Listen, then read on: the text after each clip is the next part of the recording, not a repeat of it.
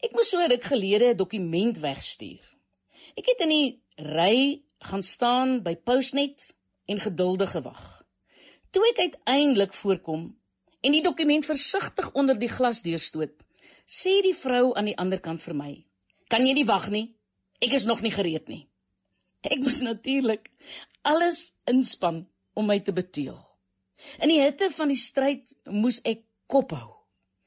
Want jy sien met my temperament sou ek baie maklik goed onder haar kon inklim. Maar ek het besef dat ek dit later sou berou het. En in plaas daarvan het ek onthou dat jy karakter bou as jy moeilike mense goed hanteer. Daarom het ek gewag en vriendelik weer met haar gepraat.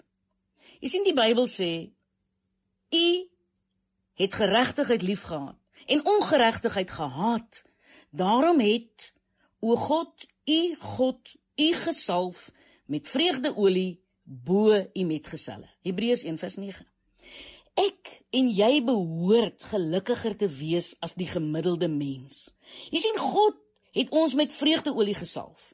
Ek en jy kan nie toelaat dat iemand se nare gesindheid ons goeie gemoedstoestand bederf nie.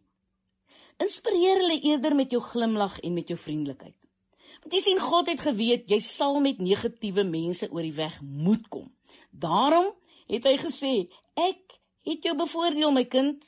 Ek het jou met vreugdeolie gesalf sodat jy gelukkiger kan wees as diegene rondom jou.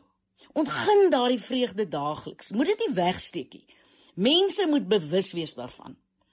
Navorsing het bewys dat dit vir jou en die mense om jou goed is wanneer jy glimlag. Nou, in 'n eksperiment is mense gevra om slegs deur gesigsuitdrukkings die emosie vrees en woede na te boots. Wie julle wat het gebeur? Hulle hartritme was hoër, hulle veltemperatuur en sweet was die gevolg. Nou dieselfde mense is daarna versoek om te glimlag en hulle polsslag het afgeneem, hulle temperatuur het gedaal en hulle het minder gesweet. Almal het tevredenheid ervaar. Ons Skepper is natuurlik deeglik bewus hiervan. Die Here verwys in die Bybel 53 keer na ons gesigsuitdrukkings. Die woord verheug kom telkens voor. Verheug beteken verbly, vrolik wees of vrolik maak, vreugde voel en vreugde gee. Dit beteken jy begin glimlag en dit beteken ook jy laat mense glimlag. En as jy die dag met 'n glimlag ervaar en vrolik, vriendelik en gesellig is, dan verheug jy jou en jy verheug diegene rondom jou en jy eer en jy verheug die Here.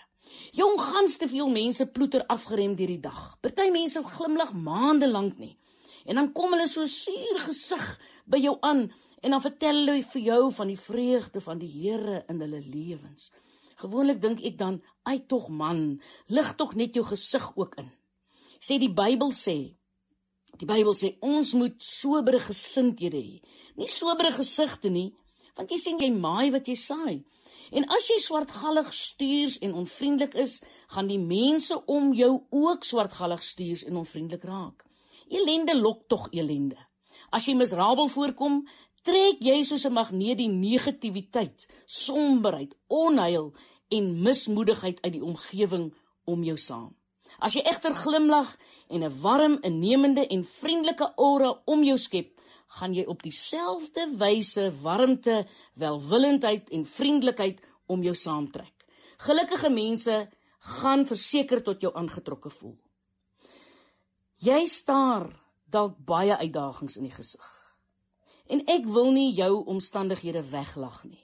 Maar Jesus het gesê: In die wêreld sal julle dit moeilik hê. Maar hou moed. Johannes 16 vers 33. Ek het agtergekom, 'n mens moet eenvoudig net glo en glimlag. Moenie neerslagtig, mismoedig en bekommerd wees nie. Sê liewer: Ek laat my nie lei deur wat ek sien nie, maar deur wat ek weet.